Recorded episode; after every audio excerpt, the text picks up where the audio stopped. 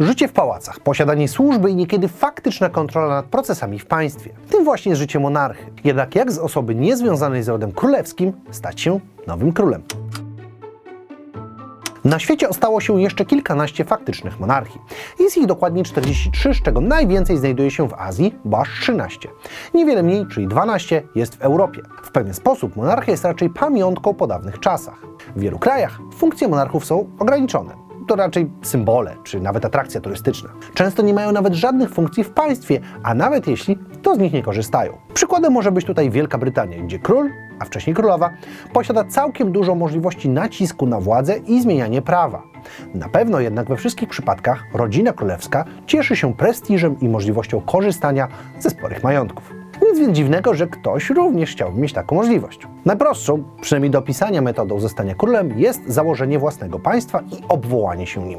O tym mówiłem w jednym z poprzednich odcinków na kanale. Jednak to nie spowoduje, że wraz z tytułem otrzymamy dużo władzy czy bogactwo. No do tego potrzebne będzie nam państwo, które już istnieje. I tutaj pojawia się kilka możliwości, które zależeć będą zarówno od typów państwa, jak i naszych możliwości. Pierwsza, ponownie prosta do opisania metoda, polegać będzie na niczym innym jak zbrojnym przejęciu władzy w regionie. Sprawa jest bardzo łatwa. Wystarczy zebrać odpowiednich rozmiarów armię i przejąć władzę, mianując się nowym władcą danego regionu. No, to jednak może rodzić wiele problemów zarówno natury logistycznej, jak i dyplomatycznej. Społeczność międzynarodowa może nie reagować zbyt pozytywnie na tytuł królewski uzyskany w taki sposób. Dlatego nie jest to metoda, którą polecam. Inną metodą jest wrzenienie się w rodzinę królewską, a następnie czekanie na swoją kolej. Tutaj czas oczekiwania będzie różnił się od wielu czynników. Przede wszystkim jest to jednak system dziedziczenia i to, ile osób jest w kolejce. Największe szanse mamy wtedy, kiedy wyjdziemy za pierwsze dziecko obecnie panującego monarchy, który nie ma poza nim żadnej rodziny. W ten sposób po jego śmierci władza przejdzie bezpośrednio na naszego partnera lub partnerkę, a więc i na nas. Będzie to jednak tylko tytuł, nie będą płynąć z niego żadne przywileje.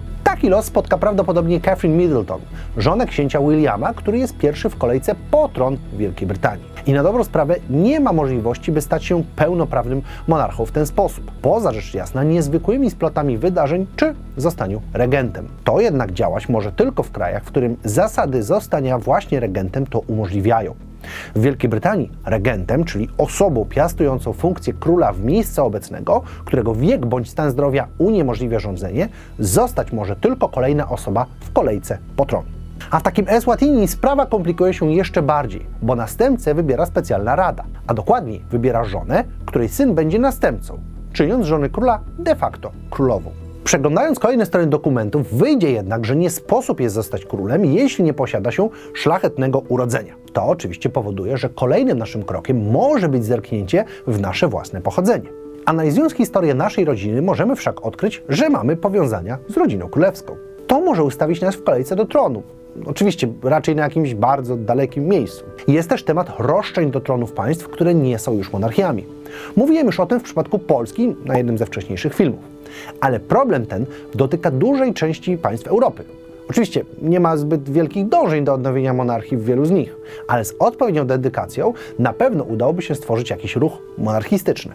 No bo właśnie, stworzyć ruch, który mógłby nas wybrać, to też jest jakiś pomysł. Zwłaszcza, że istnieją monarchie, które wybierają króla poprzez wybory. Pierwszy z brzegu przykład to Watykan. Papież jest technicznie monarchą, więc zostanie królem Watykanu jest jak najbardziej możliwe.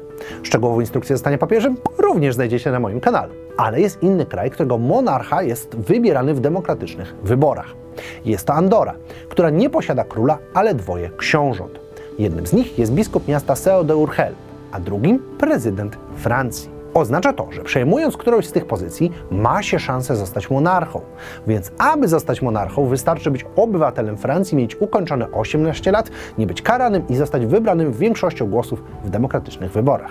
Wybranym można też zostać w Zjednoczonych Emiratach Arabskich. Tutaj jednak należy dodać kilka małych kruczków. Po pierwsze, jest się wtedy niejako prezydentem, a nie królem. Po drugie, wybór odbywa się pomiędzy rządzącymi dynastiami, w których to należy zająć najwyższą pozycję. A to również wymaga splotu wielu okoliczności, w których to my bylibyśmy jedynymi członkami owej rodziny.